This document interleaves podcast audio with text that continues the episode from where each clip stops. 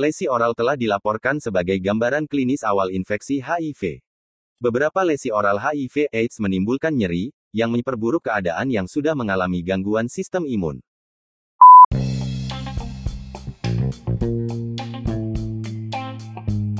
Halo, selamat datang di podcastnya Dokter Gigi Gaul. Episode kali ini akan membahas mengenai manifestasi oral HIV/AIDS, khususnya lesi-lesi oral yang dikaitkan secara erat dengan infeksi HIV, dan mengapa penting bagi dokter gigi untuk mengetahui hal tersebut. Untuk yang kudet alias kurang update, kamu harus tahu bahwa pertumbuhan keseluruhan epidemi AIDS global cenderung telah stabil. Jumlah tahunan infeksi HIV baru terus menurun sejak akhir 1990-an, dan terdapat lebih sedikit kematian terkait AIDS karena peningkatan terapi antiretroviral yang signifikan selama beberapa tahun terakhir. Meskipun jumlah infeksi baru telah menurun, tingkat infeksi baru secara keseluruhan masih tinggi. Dan dengan penurunan angka kematian yang signifikan, jumlah orang yang hidup dengan HIV/AIDS atau ODHA di seluruh dunia meningkat. Peningkatan jumlah ODHA ini menunjukkan bahwa kemungkinan seorang dokter gigi merawat ODHA di daerah dengan insiden tinggi hampir pasti. Karena itu, dokter gigi perlu lebih terlibat dalam pencegahan penyebaran dan perawatan dari orang yang terinfeksi. Salah satunya dengan mampu mendeteksi dini infeksi HIV/AIDS melalui lesi oral yang erat dikaitkan dengan infeksi HIV. Lesi oral telah dilaporkan sebagai gambaran klinis awal infeksi HIV. Mereka banyak dan beragam, dan kadang-kadang merupakan tanda pertama bahwa pasien telah memiliki virus di dalam tubuh mereka. Penelitian telah memperkirakan bahwa, lebih dari 90% orang dengan infeksi HIV, akan memiliki setidaknya satu manifestasi oral selama perjalanan penyakit mereka. Lesi ini dapat muncul pada 50% orang dengan infeksi HIV positif, dan hingga 80% dari mereka yang telah didiagnosis AIDS. Dalam kasus di mana status HIV seseorang tidak diketahui, lesi rongga mulut dapat memberikan indikasi kuat adanya infeksi HIV.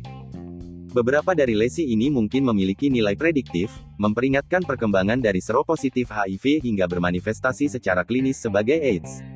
Mereka sering menjadi indikator penekanan kekebalan dan dapat digunakan untuk tes awal, diagnosis dan manajemen pasien dengan HIV/AIDS. Lesi oral pada HIV dapat berfungsi sebagai penanda penurunan kekebalan dan perkembangan penyakit, dan juga dapat menunjukkan prognosis yang buruk.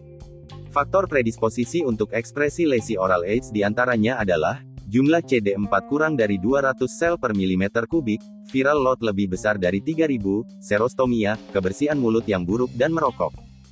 Lesi oral berkontribusi pada morbiditas pasien, mempengaruhi fungsi psikologis dan ekonomi individu dan masyarakat.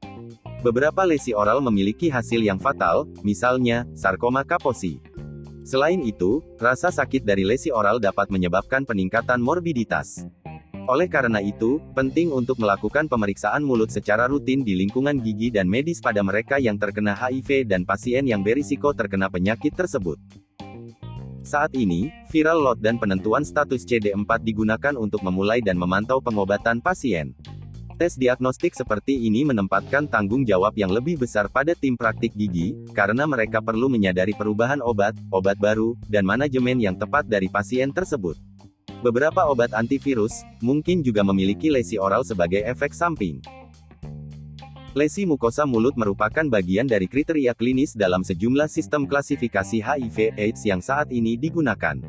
Klasifikasi ini dapat didasarkan pada faktor etiologi atau kekuatan asosiasi. Clearinghouse on Oral Problems Related to HIV Infection dan Pusat Kolaborasi pada Manifestasi Oral HIV-nya WHO, menggunakan kekuatan asosiasi lesi oral dengan infeksi HIV sebagai dasar klasifikasi. Lesi sangat terkait dengan infeksi HIV adalah Candidiasis, Heiry leukoplakia, Sarkoma kaposi, Limfoma non-Hodgkins, Erythema gingiva linear EGL, Gingivitis nekrotik ulceratif GNU atau NUK. Periodontitis nekrotik ulceratif, atau NUP. Adanya lesi multiple pada pasien HIV yang terinfeksi juga berhubungan dengan imusupresi berat dan AIDS. Dokter gigi mungkin menjadi penyedia layanan kesehatan pertama yang mendiagnosis kondisi dari indeks kecurigaan yang tinggi dan hasil pemeriksaan diagnostik yang ditunjukkan oleh manifestasi kepala, leher dan mulut. Dokter gigi harus memiliki pengetahuan yang baik tentang lesi oral pada HIV/AIDS dan mampu mengenali dan mendiagnosis lesi tersebut secara akurat. Pengobatan dini lesi oral juga diperlukan untuk mengurangi morbiditas dan mortalitas pada pasien terinfeksi HIV. Beberapa lesi oral HIV/AIDS bersifat ulceratif dan nyeri, sehingga mengganggu kemampuan pasien untuk makan dan menelan, yang selanjutnya menyebabkan malnutrisi yang berpotensi memperburuk keadaan yang sudah mengalami gangguan sistem imun. Kebutuhan untuk menjaga kesehatan mulut untuk mencegah komplikasi seperti infeksi mikroba yang dapat berakibat fatal pada pasien ini tidak dapat terlalu ditekankan.